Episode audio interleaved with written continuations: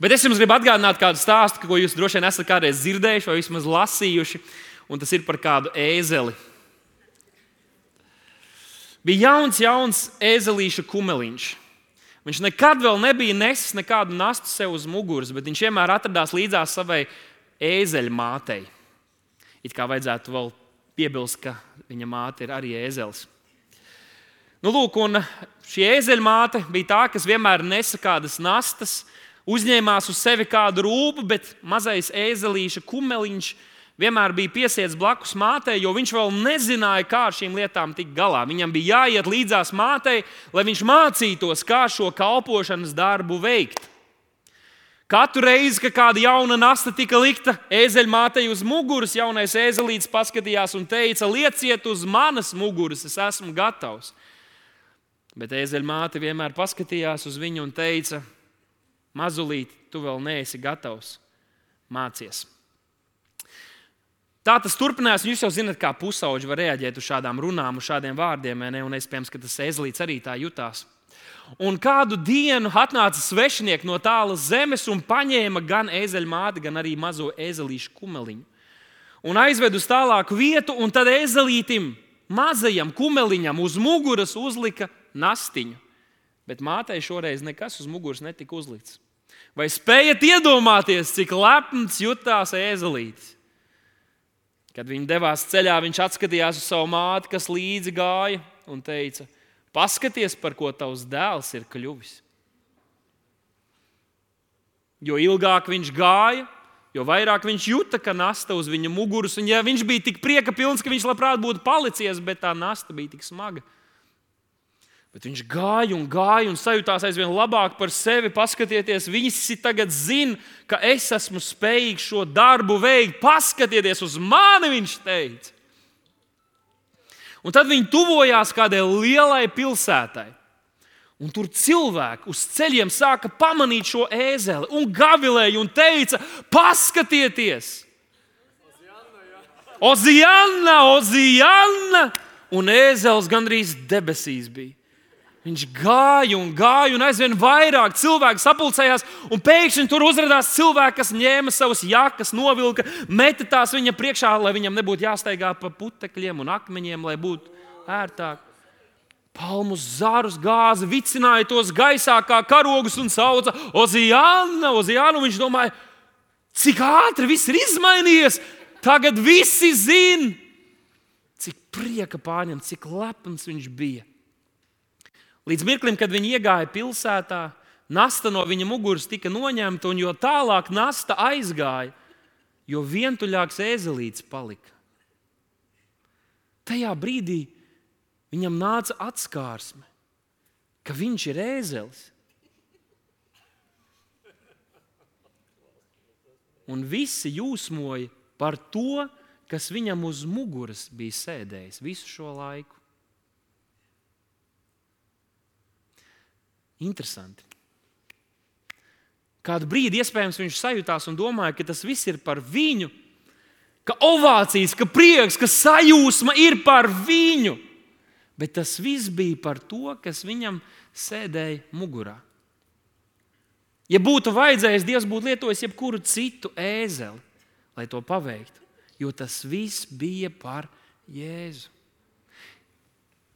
Tas viss bija par Jēzu, lai piepildītos arī praviešu vārdi, kas pirms aptuveni 500 gadiem Cakarijas grāmatā bija teikti, kur rakstīts: Priecājies no sirds, ciānas meita, redzi, tavs ķēniņš nāk pie tevis taisnīgs, un tavs palīgs, viņš ir miermīlīgs, viņš jāj uz ēzeļa, uz ēzeļa mātes kumeļa. Ēzelis saprata, ka tas viss bija par Jēzu. Jēzus viņam sēdēja uz muguras, un viņam bija tā privilēģija piedalīties pravietojuma piepildīšanas procesā, kas arī bija par Jēzu un ne par pašu ēzeli. Vai tu kādreiz esi tā jūties? Mazliet agrāk eh, arī notika tāds notikums, kur Jēzus sapulcēja savus tuvākos mācekļus. Viņš paņēma Pēteri, Jāni un Jēkabu un viņš uzkāpa augstu kalnā. Un tur speciāli Bībelē nav teikts, kurā kalnā citādi tur atkal būtu viena katoļu baznīca, kur visi iet un bučot zemi. Nav zināms, kurā kalnā. Iespējams, ja tu esi bijis Izrēlā, iespējams, ka tu esi bijis tajā kalnā. Teiksim tā, ļoti liela iespēja. Viņi uzkāpa augstā kalnā, un tur Jēzus tika apskaidrots savu mācekļu vidū. Un šeit man jautājums jums katram, vai jums ir tuvākie mācekļi? Tuvākie ticības cilvēki, ar kuriem jūs kopīgi lūdzat, ar kuriem jūs kopīgi garīgi cīnāties. Jēzum tāda bija veseli trīs, viņš paņēma viņus kopā ar sevi, un viņš tika apskaidrots viņu priekšā. Un jūs zinat to notikumu, kas tur notika. Parādās Elija un Mūzus. Un viņi sarunājas ar Jēzu, un mācekļi skatās, un viņi domā, wow! Nu tik būs! Dieva valstība ir klāta. Jēzus, kuram viņi tagad ir sākuši sekot, un divi no viņu lielākajiem varoņiem. Viņi kā ebreji puiši bija uzauguši dzirdot šo stāstu, lasot šo stāstu. Un, ziniet, Mozus ir viens no top influenceriem tajā laikā un kultūrā. Viņi skatās uz mūzu, viņi runā. Atcerieties, kā Dievs lietoja mūzu, lai izvestu Izraēlu tautu ārā no Eģiptes. Desmit mocības, tāds spēks, tāda varenība. Izraēla tauta iziet no Eģiptes tā kā bagātnieki. Ar bagātībām viņi izgāja no verdzības, un veseli, neviens nebija slims. Viņš aiziet, viņš sašķeļ jūru, viņš saka, re, kur ir Mozus, nu tik būs Dieva valstība. Viņi paskatās uz Eliju. Wow, jūs zināt, ko Elijas izdarīja? Elija Tur varētu runāt par vairākām lietām, bet viena no tām iespaidīgākajām bija, kur viņš sauca dievu uguni no debesīm. Un viņš bija uztaisījis altāru, kurš bija apliets ar ūdeni. Viss tur bija slapjš, tur bija uzlikts upuris virsū. Un dievu uguns nāk no debesīm, visas tautas priekšā. Un aprī ne tikai upuri, bet visu altāru, visu ūdeni, viss, kas tur bija saliets, viss pazūd. Dieva uguns to iznīcina un pēc tam viņš kauj. Simtiem bālu praviešu tiek nokauti. Rekustāv Elī. Mācekļi domā, wow! Nu, Jēzus arī kāds brīnums ir darījis. Un, un tāds, ko pat agrāk cilvēki nepiedzīvo, ļaunie gari izgāja. Pa ūdens virsmu viņš ir staigājis. Mūzus, Elīze, Jēzus. Tā ir super komanda! Un Pēters kļūst tik sajūsmināts, ka viņš saka, Jēzu, Jēzu, te ir baigi labi, mums būs baigi forši. Vai mēs uztaisīsim teltis, vienu tev, vienu Elijam, vienu mūzumu? Un tajā brīdī gaisma no debesīm spilgta tā, ka viņi nespēja vairs neko redzēt. Apžilbina visus, kas tur ir klātesoši, trīs puiši. Un Dievs saka no debesīm: Viņš ir mans mīļa, mīļais dēls, uz ko man ir labs prāts. Viņu klausiet, kas varētu būt. Viņu godājiet, viņu cieniet augstāk, vairāk nekā jebko jūsu dzīvē. Un viņi ir baiļu pārņemti. Pats Dievs viņu runā, viņi saprot, ka viņi tikko teica, ka Dieva dēls ir tāpat kā Mozus, Elija. Viņi krīt uz zemes ar savu vaigu pie zemes, viņi ir baiļu pārņemti. Un tad Jēzus viņu, viņus mierina un saka, viss kārtībā, puiši celieties. Un tad raksturvietā Mata evanģēlijā ir teikts, bet kad tie savas acis pacēla, tie neredzēja neviena, kā tikai Jēzu vienu. Kur ir Mūzes godība, kur ir Elīzes godība? Tikai Jēzus. Un tāpēc šodien, draugs, gribētu runāt par tēmu, tas viss ir par Jēzu. Pasakādam savu blakus sēdošajam, tas viss ir par Jēzu. Un, ja tev kāds prasa, kāpēc tas nav par mani, tad prasa, saki, tāpēc, ka tas viss ir par Jēzu. Ārkārtīgi vienkārši. Tas viss ir par Jēzu. Jēzum nav konkurentu. Nav neviens, kurš var viņam līdzās stāvēt. Kā Dievs vecajā darbā teica kādiem, kas bija taisni, gudri, veiksmīgi cilvēki šeit virs zemes, Dievs teica, vai tu man devi padomu, kad es radīju šo pasauli, kad es radīju šīs lietas, šos zvērus, šos dzīvniekus, vai tu vispār zini, kā kas notika, kā kas ir radies, kā kas pastāv, kā kas darbojas. Cilvēkam ātri vien nācās atzīt, ka salīdzinājumā ar to, kāds Dievs ir, mēs esam tikai radījumi. Salīdzinām ar Dieva gudrību, ar Dieva spēku, mēs pat tuvu nestāvam. Un nav neviens cilvēks, vai persona, vai notikums vēsturē, kas bijis, kas notiek šobrīd, vai kas būs, kas var tuvu stāvēt tam, kas Jēzus ir. Un tāpēc, draugi, viss ir par Jēzu. Tas viss ir par Jēzu. Un šīs vēsts šodien būs atbrīvojoša. Tā būs dzīve sakārtojoša un dzīve mainoša. Jo, palīdziet man, tas viss ir par Jēzu. Es nezinu, kādas jums ir attiecības ar prioritātēm. Prioritāšu sakārtošana, tas par dzīves sakārtošanu, tas ļoti palīdz. Un ir cilvēki, kuri saka, Uh, nu man ir baigi labi sakārtotas prioritātes. Un viņi var pateikt no kādiem semināriem kaut ko dzirdēt, vai dievkalpojumā dzirdētus punktus, un izklausās pareizi, bet viņu dzīves nemaz neliecina, ka tās prioritātes viņiem tādas ir. Vai ne? Dzīve parāda, vai mūsu rīcība kādreiz parāda, ka mūsu pat, patiesība mūsu dzīvē atšķirās no tā, ko mēs vienkārši ar vārdiem varam gudri vai pareizi pateikt. Ir kādi, kuriem saka, nē, nu man nav nekādas prioritātes, vienkārši plūst pa dzīvi, un tā, tā kā es jūtos, to es daru. Un arī viņu darbi, viņu dzīves parāda, ka patiesībā viņiem ir prioritātes. Varbūt viņiem bail to nosaukt vārdos. Bet neatkarīgi no tā, kādas ir mūsu prioritātes vai kādas ir tavas prioritātes, kā tu tās esi sakārtojis, es gribētu, lai mēs druskuļi padomātu par to, nu, par ko ir mūsu dzīves. Kāpēc mēs tā esam? Mēs uz šo jautājumu esam vairāk kārt mēģinājuši meklēt atbildes un cerams, ka esam atraduši. Un visa pasaule meklē atbildi šo jautājumu. Kāpēc mēs esam, par ko ir mūsu dzīves? Un pasaule mums dod dažādas um, atbildes, cenšas sniegt. Kāda saka, tas ir par ģimeni, tas ir par tavu karjeru, tas ir par drošības sajūtu, par attīstību, par bērnu izglītību, varbūt tas ir par baudu, par piedzīvojumiem, par nezinu, īpašumiem, par varu, par popularitāti. Un mēs visi Katru no šīm lietām nosaucot vārdā, ne tikai sajūtās paliekot, bet nosaucot vārdā, mēs saprotam, ka tas ir kaut kas pārāk nu, nevērtīgs, lai mēs teiktu, ka par to ir mūsu dzīve. Tādēļ mēs dzīvojam, lai mēs iegūtu popularitāti vai lai mēs piedzīvotu daudzas lietas.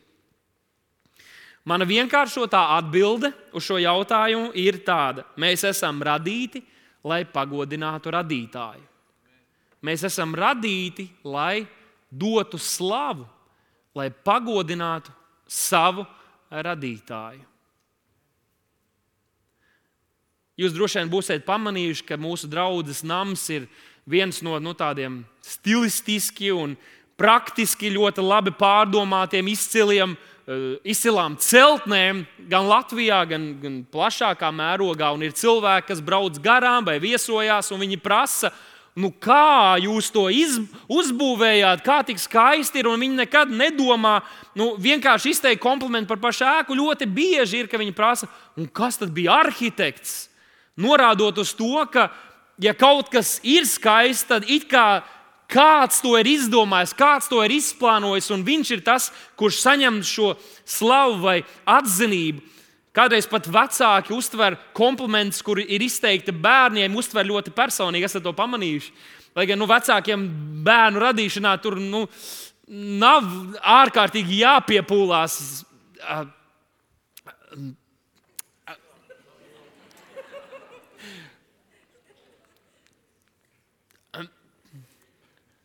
Nu, tas notiek diezgan vienkārši, dabiski, kāds teiktu. Bet tad, kad tas bērniņš kaut ko izdara un kāds uzslavē vai pasakā, tad cilvēks pilnīgi ļoti, ļoti ka, ka viņš ir saņēmis komplimentu. Jā. Tā ir. Nu, tie no jums, kuriem, kuriem ir grūti asociēt sevi ar, ar, ar vecāku lomu, nu, varbūt jums ir kāds maidzīvnieks. Es, man pašam agrāk bija suns, un es, es staigāju ar suni apkārt. Un man pie viņa radīšanas vispār nebija nekādas nozīmes. Vai, es vispār tur nebiju pat klāt. Uh, bet, jā, tu staigā ar to suni. Uh, un cilvēks iet garām un pasakā kaut kādu labu vārdu, un tev pilnīgi tā kā medus sirsniņā ir ietecināts. Ja? Uh, Vēl viens, piemēram, ar remontiem. Tavā dzīvoklī tu kaut ko izdarīji, žalūzijas nomainīji, kaut kur bija kaut, kāds, kaut kāda siena, tu esi izkrāsojis, uzlī, uzlīmējis tāpēc, vai ko atnāk cilvēki kaut ko saka. Neviens jau nejūsminās vienkārši par to tāpēc, vai par to, to darbu, ko tu esi paveicis, bet tu tur stāv blakus. Ja, un tad viss jūt un pasakā, ej, tu esi labu darbu padarījis, vai ne? Jūs saprotat, par, es, par ko es runāju.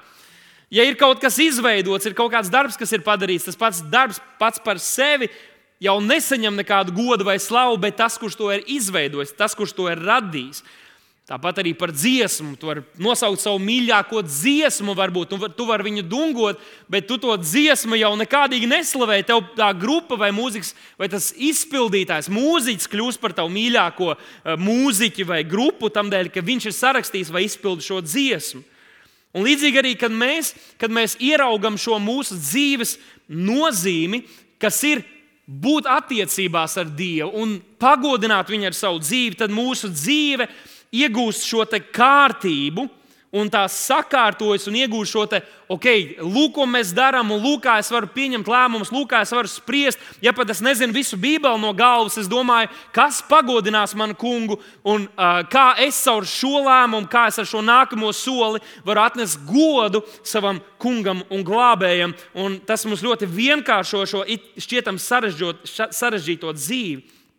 Un tas nozīmē, ka arī šīs augstākais bauslis tev būs savu dievu mīlēt. Tā ir svarīgākā prioritāte. Tas ir numur viens. No tā izriet visi pārējie likumi un pavēles, arī mīl savu tuvāko. Un lielā pavēle mēs sludinām evaņģēlī, tā izriet no mūsu attiecībām ar Dievu. Jo, ja mums nav mīlestības Dievu un Dieva mīlestība nav mūsos, tad viss tas pārējais kļūst par nevērtīgu lietu. Pirmkārt, ir mīlestība uz Dievu, viņa mīlestība mūsos, un tad no tā izriet viss pārējais. Jo viss, tas viss ir par Jēzu. Un ļaujiet, es jums parādīšu kādas raksturvietas, kuras mums to apstiprinās. Atklāsmes grāmatas 4. nodaļā, 11. pantā mēs lasām, kur vecie noliek savus vainagus kas liecina varbūt šo viņu balvu, liecina par to viņu kalpošanu, liecina par kaut kādu viņu novērtējumu. Viņi noliek šos vainagus Dieva tā kunga priekšā un pielūdz viņu ar vārdiem: Tu, kungs, mūsu dievs, esi cienīgs saņemt slavu, godu un spēku. Tu esi cienīgs saņemt slavu, godu un spēku, jo tu esi radījis visas lietas ar tavu gribu. Visas lietas bija un ir radītas. Es gribētu iesākt ar šo pirmo uh, pusi, kur viņš saka, tu esi cienīgs saņemt godu, slavu un spēku. Kāpēc viņš ir cienīgs? Jo viņš ir Dievs. Kāpēc viņš ir cienīgs? Kāpēc mēs šeit arī pielūdzam viņu? Jā, viņš mūs ir glābis, viņš ir bijis labs pret mums, bet visam pāri viņš ir Dievs. Nav citu dievu, draugi. Ir dažādi dēmoni, ir dažādi uh, maldu dievi, elki, kas ir izveidoti, bet Dievs, kurš ir radījis visu, ir tikai viens. Dievs, kurš ir radījis visu, iznīcinās visu un tiesās visu, ir tikai viens.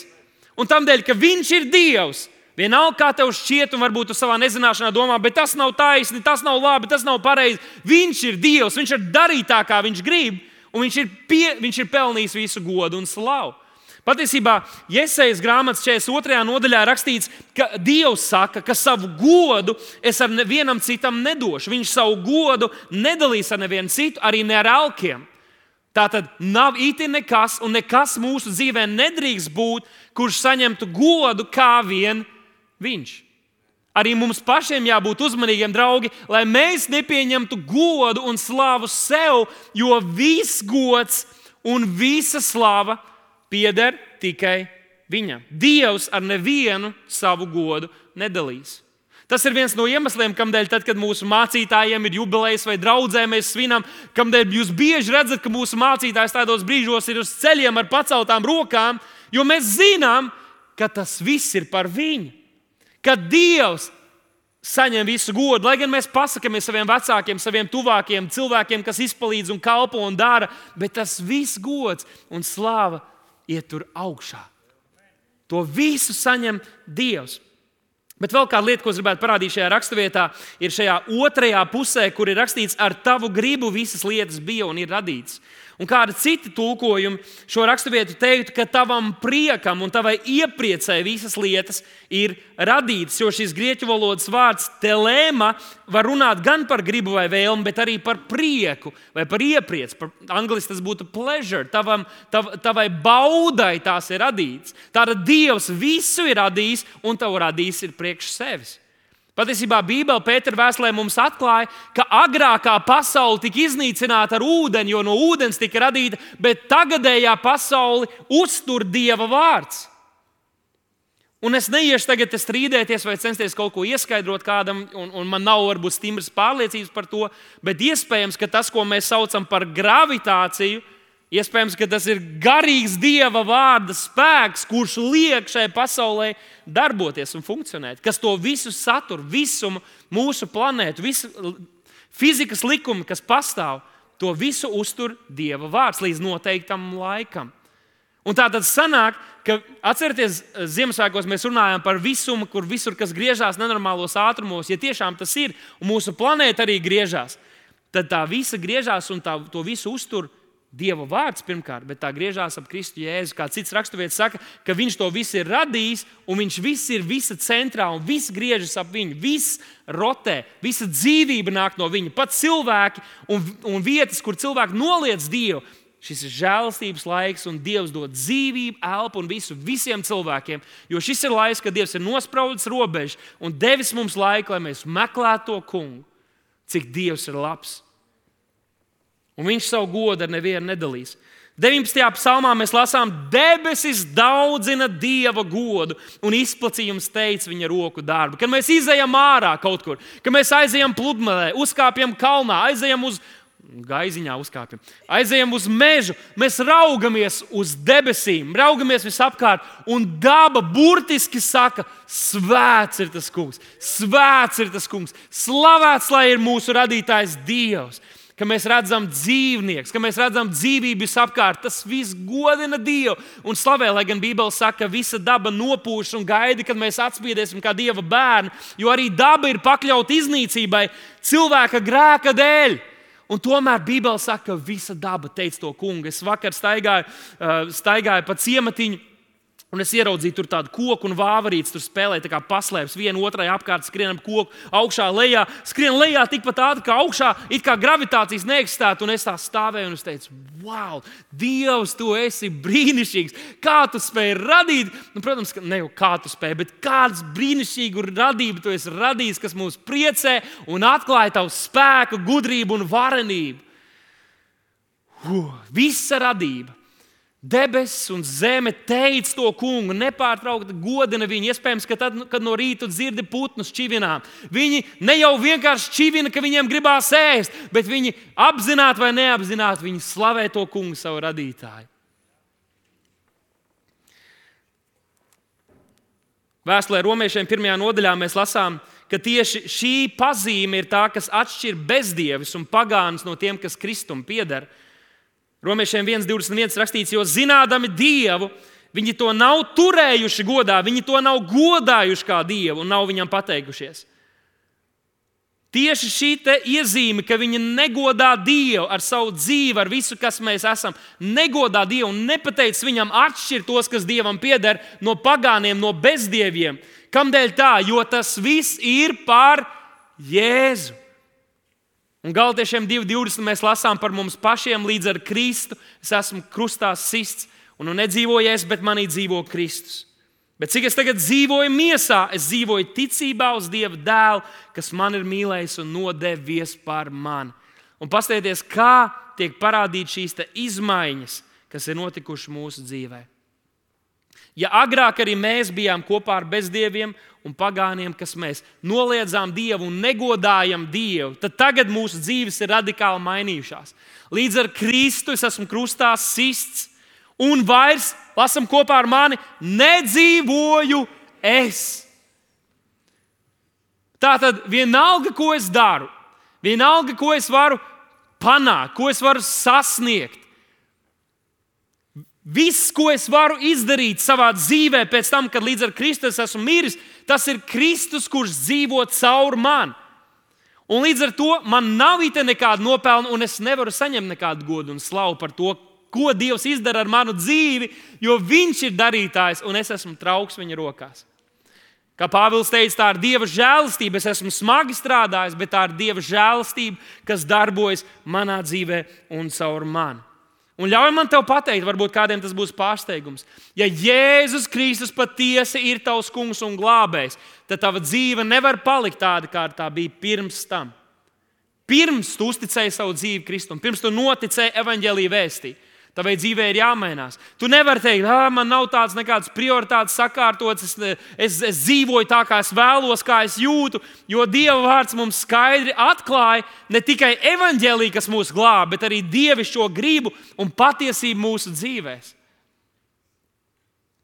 Cik atbrīvojoši tas ir, kad mēs saprotam, ha, man vairs nav smaguma, jo man jādomā, kā visi domās par mani un ko es tagad iz, izveidošu no savas dzīves, jo es vienkārši uzticos savam radītājam, Dievam, un Viņš dara liels un varenus darbus. Kad Jēzus sūtīja savus mācekļus, viņš tur teica viņiem, neraizieties, ja kāds jūs nepieņem, jo viņi mani nepieņem. Ja kāds jūs uzņem, viņi man ir uzņēmuši. Ko viņš centās pateikt? Tas nav par jums. Tas viss ir par. Palīdziet man, draugs. Tas viss ir par Jēzu. Kolosiešiem 1.13. Viņš mūs ir izrāvis no tumsības varas un pārcēlis savu mīļā dēla valstībā. Un tagad es jums gribētu iedot septiņas mūsu dzīves jomas, kuras ir par Jēzu. Un kāds no tām jūs varbūt pārsteigs, bet es ceru, ka nē. Jāņem evanģēlī 5. nodaļā, 39. pantā, Jēzus runājot ar saviem mācekļiem, viņš saka, jeb šodien ar saviem mācekļiem, bet ar raksturmācītājiem, viņš saka, jūs pētiet rakstus, jo jums šķiet, ka tajos jums ir mūžīgā dzīvība. Un tie ir, kas dod liecību par mani.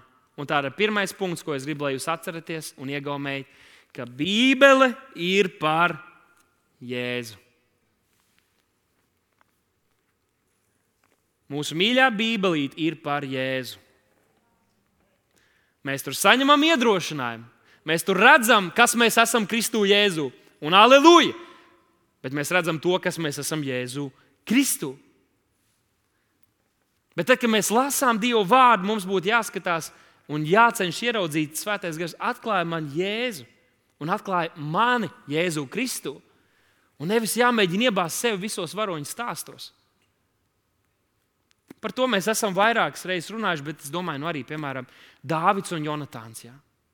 Jūs zināt, Jonatāns ir valdnieka dēls, Dāvids ir bēglis, kurš ir svaidīts, lai viņš kļūtu par ķēniņu. Mēs varam teikt, jā, es esmu tas Dāvids, man visi vajā un skrien pakaļ un tā, un, un es slēdzu derību ar, ar Kristu. Nu, varbūt, ka tu kaut kā vari sevi ielikt tajā stāstā. Es esmu Mefibošets. Jūs zināt, kas ir Mefibošets? Papētiet Bībelē. Tas ir cilvēks, kurš ir sakropļots, nepilnīgs, nespējīgs, bet viņš var sēdēt pie ķēniņa galda tam dēļ, ka viņa tēvam bija derība ar, ar valdnieku, ka viņa tēvam bija derība ar tā laika valdnieku. Un tas ir tas, vismaz, kur es redzu sevi. Jēzus ir mans varonis Bībelē. Kad es lasu Bībeli, Jēzus ir mans varonis. Kad es lasu par mūzu un Izraēlu tautu, zin, mēs varam katrs teikt, jā, Dievs tagad sūta mani kā mūzu, man ir jāiet glābt cilvēks. Es neredzu tā. Es neredzu tā sevi. Es esmu tajā tautā. Es esmu tas, kurš izbijās. Es esmu tas, kurš tur runāja pretī. Mūzu, ko tu tagad atļaujies? Es biju tas. Es biju tas, kas teica, kam tādu dievu, kam to draugu, kas ar to jēzu. Bet Jēzus ir tas, kurš ienāca un atbrīvoja mani un sauca man ārā no Eģiptes, darot zīmes un brīnumus. Un man ir tā privilēģija teikt, ej, nāciet, Jēzus mūs vada ārā, draugi, brāļi, kolēģi, radinieki, kaimiņi. Jēzus ir pavēris ceļu. Redziet, kā mainās lietas, kad mēs necenšamies ieraudzīt sevi visur, kā varam. Es esmu tas Dārvids, kurš tagad nogalinās Golijātu. Nē, mēs esam nobijušies no tā Golijāta. Jēzus ir tas varonis, kurš nogāž Golijātu, un mēs varam skriet un iemantot apsolīto zemi nevis mūsu drosmes, vai ticības dēļ, bet tam dēļ, ka Jēzus. Jo tas viss ir par Jēzu. Kad mēs lasām Dieva vārdu, mums ir svarīgi to atcerēties. Bībele runā par Jēzus izskaidroju viņiem, sākot ar mūzu un praviešiem, ko Bībele saka par Jēzu, jo tas viss ir par Jēzu. Mēs varētu veltīt tam kādus seminārus, kur mēs varētu parādīt, ka katrā Bībeles grāmatā ir Jēzus. Ir pravietojumi par Jēzu, ir attēli par Jēzu. Un, ja mēs lasām Bībeli, domājam, tas viss ir par mani, tad mēs palaidām visu garām. Jo tas viss ir par Jēzu. Bībeli saka, ka pēdējās dienās arī kristieši uzkraus sev sludinātājs un mācītājs, kur runās to, ko mums patīk dzirdēt. mums patīk dzirdēt par sevi. Un tam ir arī sava vieta. Bībele runā arī par tevi, bet viņa ir par Jēzu pirmām kārtām. Un tāpēc ir svarīgi, lai mēs kā draugi, mēs kā kristieši neesam tie, kas mēs meklējam, kurš vēl pateiks kaut ko, ko es gribu dzirdēt. Jo Dieva vārds bieži nāk kā, kā, kā, kā zobens, kā asins zobens, apakšgriezīgs zobens, un viņš iespiež mūsos iekšā. Un nav patīkami, kad iespiež. Mēs par to esam runājuši. Tāda pirmkārt, Bībele ir par Jēzu. Otrā raksturvieta ir 2. korintiešiem 9.13, kur Pāvils raksta par šo, šīs draudzes kalpošanu, sekmīgo. Viņš saka, redzēdam jūsu sekmīgo kalpošanu, tie slavē ko? To draugu. Korintas draugs, vai cik brīnišķīgi. Viņš saka, jā, jūs varat būt par piemēru citām draudzēm, bet kad viņi saņēma jūsu kalpošanas dāvanas un baudīja no tā, ko jūs kopīgi kolektīvi esat darījuši, viņi slavē ko? Dievu par jūsu paklausības apliecinājumu Kristus evaņģēliem un jūsu sirsnīgo palīdzību viņiem un visiem citiem. Mūsu kalpošana, draugi, ir par Jēzu. Mūsu kalpošana ir par Jēzu. Un šeit pirmām kārtām jāsaka, ka mūsu kā draudzes kalpošana, mēs zinām, ka Jēzus ir teicis, es esmu savas draudzes galva. Un ko galva dara? Galva visu nosaka. Vismaz manā dzīvē, mana galva nosaka lietas. Tas, ko mana galva izdomā, mans ķermenis un viss pārējais to dara. Ja es saku, es esmu savas draudzes galva, es to vadīšu, es, to, uh, es tai došu vīziju, es tai došu uzdevumus, labos darbus, kuros dzīvot. Un tad viss tas, ko šī draudzene paveiks, tas dos godu Dievam. Tas ir par Jēzu. Draudzene, viss, ko mēs šo 30 un vairāk gadu laikā esam spējuši paveikt, slavēts ir tas kungs. Par visu saņem godu viņš. Par katru izmainītu dzīvi, par katru dziedināšanu, brīnumu un atbrīvošanu, kas ir notikusi, par katru bērniņu, kas ir ienācis mūsu, mūsu ģimenē. Par katru, par katru iespēju mums pa, paaugstināt, un apliecināt Jēzu Kristu par katru iespēju mums darboties mūsu pilsētā, darīt ļoti daudz labus darbus. Šajos pēdējos laikos arī darboties Ukrajinā ar saviem ziedojumiem un kalpošanām. Un vēl varētu skaitīt daudz un dažādas lietas, ko mēs kopīgi darām, un katrs ieliekot savu ārtavu, viņš ir tas, kurš saņem godu un slavu. Un vēlams centīsies panākt, lai cilvēkos iesākt šo sēklu. Jā, tas ir par to mācītāju. Visi tagad domā, ka tas ir par to prieka vēsti, jā, vai to vilni, vai, vai, vai tevi, varbūt, kas tu dari kaut ko. Un, jā, es tas biju, vai pamanījāt, es tur uzliku to, es tur to izdarīju, es tur to.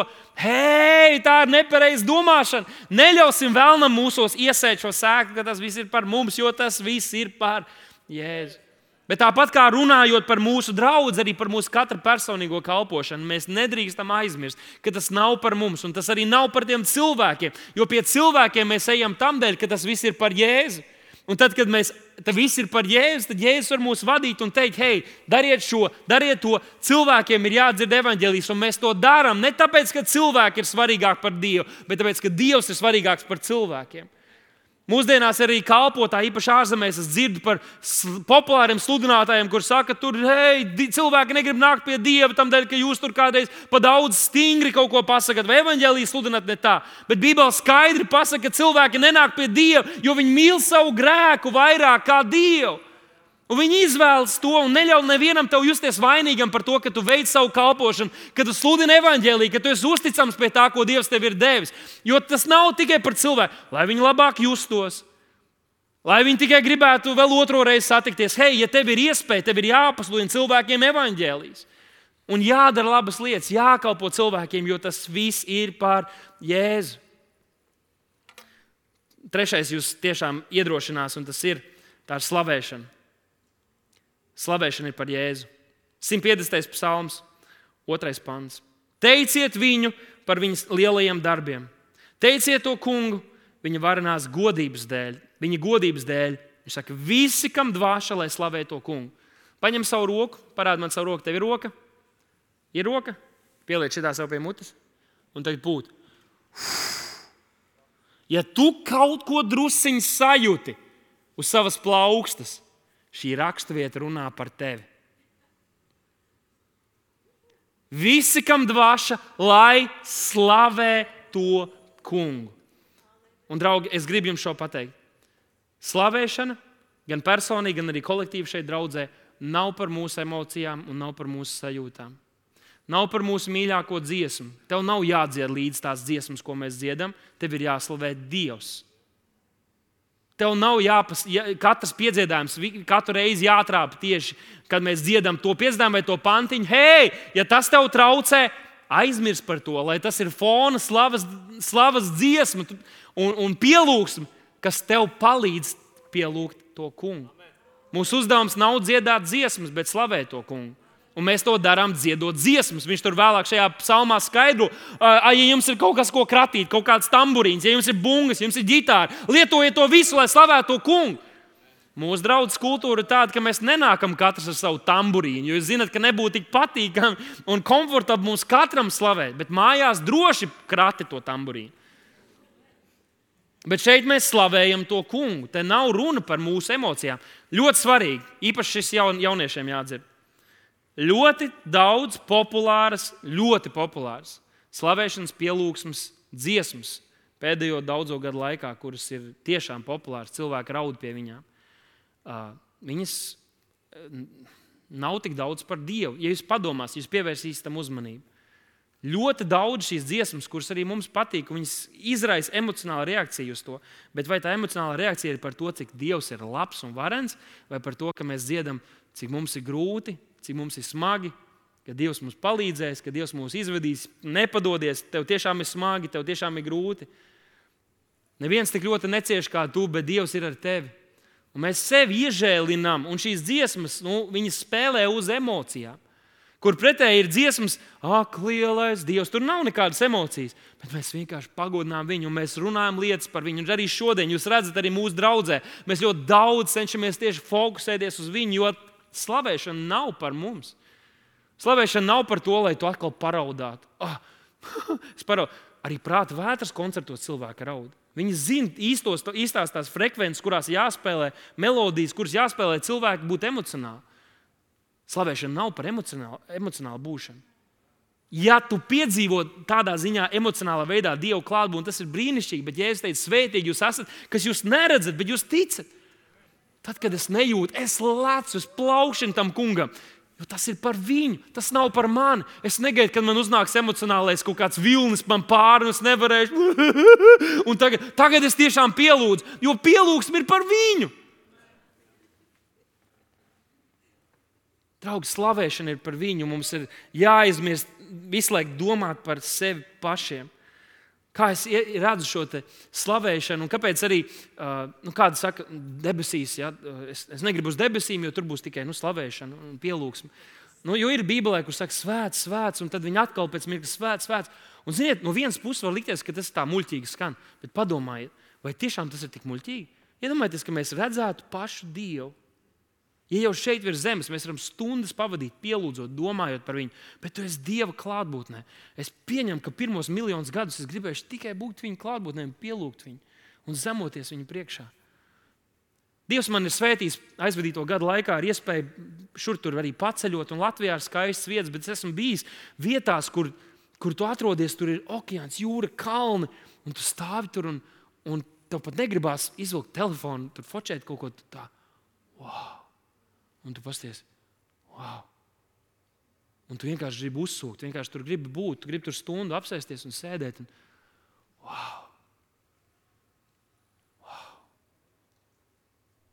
Kā tas ir, kad mēs pielūdzam Dievu? Tas ir, ka mēs esam vienkārši abrīns pārņemti, amazed. Mēs esam abrīns pārņemti, mēs skatāmies, wow! Un svētais gars vēl mums kaut ko atklāja par tēvu. Wow! Kurus var apsēsties? Es pieņemu, ka uh, digitālie bērniši debesīs ātri vilks telefons un sāks filmēt. Nav, nav pieraduši kaut ko ja, apbrīnojumu redzēt bez film, filmēšanas. Pēc tam tikai video skatās. Maz īsti neredz, kas tur notika tajā konkrētajā brīdī. Bet tas ir slavēšana nav par mums pašiem. Tas ir mēs apbrīnojam Dievu, jo Viņš ir Dievs. Mēs skatāmies un mēs sakām, wow! Jo slavēšana nav par mums pašiem. Palīdziet man, slavēšana ir par Jēzu. Es tagad ļoti ātri skriešu uz priekšu. 1. pētera 4.16. Pēters raksta, bet ja kas cieš tādā ziņā, ka cieš netaisnību, pat ja tu esi rīkojies taisni un pareizi, bet tu cieti netaisnību, piedzīvo netaisnību šeit virs zemes, kādas ciešanas, kristietis būdams, viņš saka, lai netur to par kaunu. Tas nav apkaunojums tev. Tas nenozīmē, ka Dievs tev nav svētījis.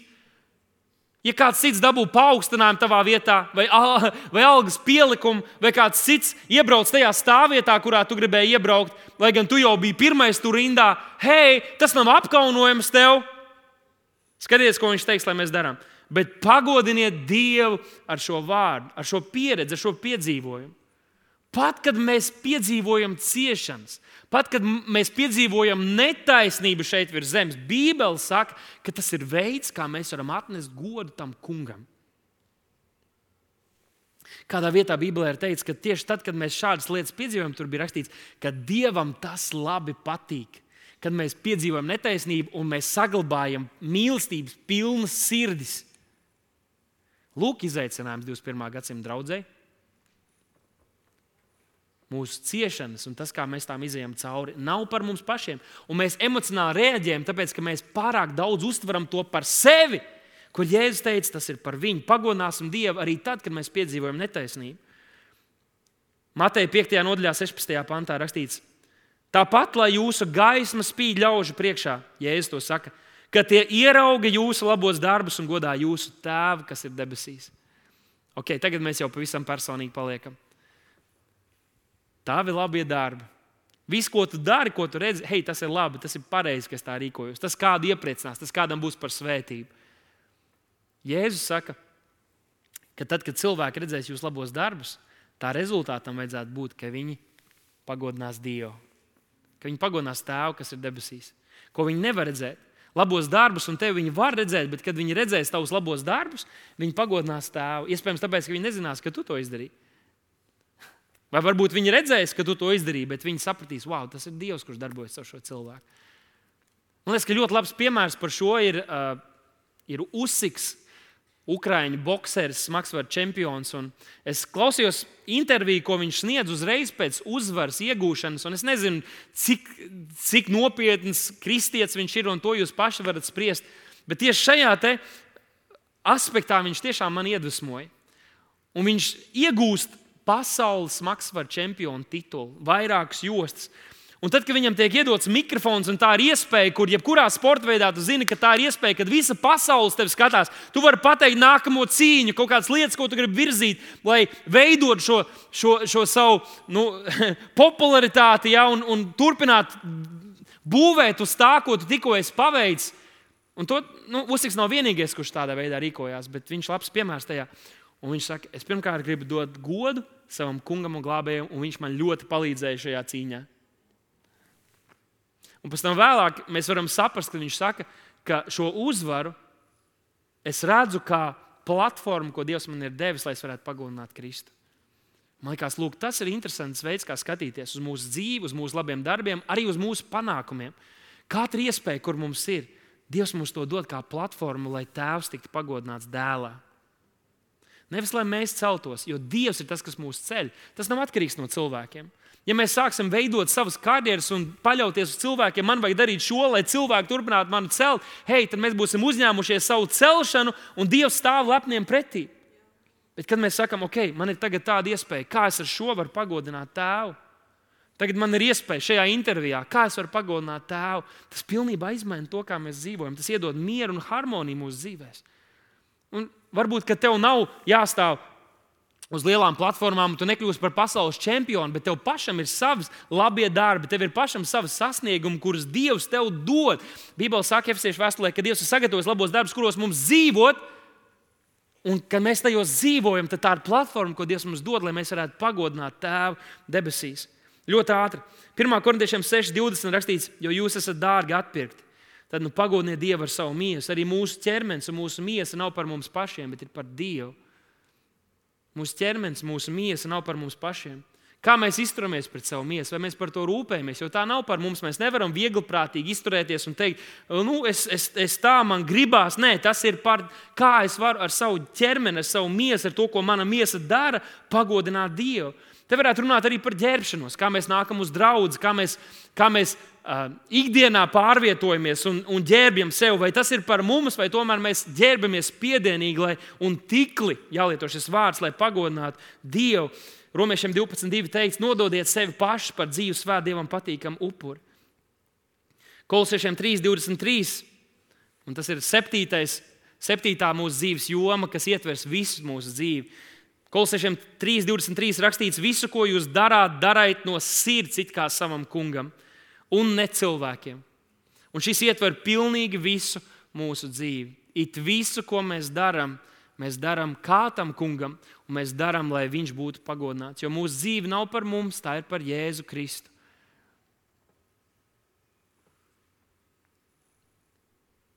Kā šis lēmums, kā šis solis var pagodināt viņu? Un tā vēsts ir pavisam vienkārša šodien. Un varbūt tas piederās mums ieejot šajā nedēļā, kad mēs gatavosimies gan lielajam gavēnim, gan arī lielajai, lielajai dienai, kad mēs svinēsim Kristus augšām celšanos. Bet lūk, parādās šī uzvaras vēsts noslēgumā, kas jau šī visa ir uzvaras vēsts. Bet Jāņa Evangelija 15. nodaļā Jēzus teica tādus vārdus. Viņš teica, Es esmu vīna koks, un iepriekš viņš saka, ka tēvs ir dārza kopējs. Tēvs ir dārzkops šajā stāstā. Bet 5. pantā viņš saka, es esmu vīna koks, un jūs esat tie zari, kas manī paliek, un es viņā tas nes daudz augļus, jo bez manis jūs nenieka nespēja darīt. To Jēzus mums modelē. Viņš arī teica, ka viņš bez tēva nespēja neko darīt pats no sevis. Pastieties! Ja visa mūsu dzīve ir par Jēzu, un viss nāk no viņa. Tas nozīmē, ka mēs esam savienojušies ar šo dzīvības koku. Mēs esam savienojušies ar šo vīna koku, no kura nāk dzīvība, no kura nāk mērķi, no kura nāk vīzija, no kura nāk spēks. Un tādēļ, ka zars ir savienojies ar koku, arī zarā ir dzīvība. Tad, kad mēs domājam, ka mūsu dzīve ir, ir par mums pašiem, Mēs esam atvienojušies no dzīvības avota. Un šī dzīvība nevar piepildīt zāru, kurš spētu nest augļus, bet ne savā spēkā, bet tam dēļ, ka viņš ir savienojies ar koku. Lūk, kāpēc mums ir svarīgi, lai mums ir attiecības ar tēvu. Lūk, kāpēc ir svarīgi, lai mēs būtu savienojušies ar viņu, un mēs neaizmirstam, ka šī dzīve nav par mums, bet ir par viņu. Jo viņš ir tas koks, un mēs esam tikai zari. Un, ja mēs esam zari un redzam sevi kā zarus, kas pieslēgušies pie vīna koka, mēs nesīsim daudz augļus. Pasakām sev blakus sēdošiem, daudz augļus. Daudz augļus. Saka skaļi, daudz augļus. Daudz augļus. Kurš saņem slavu par gardiem aboliem? Gan dārznieks, gan ābele, bet ne zars.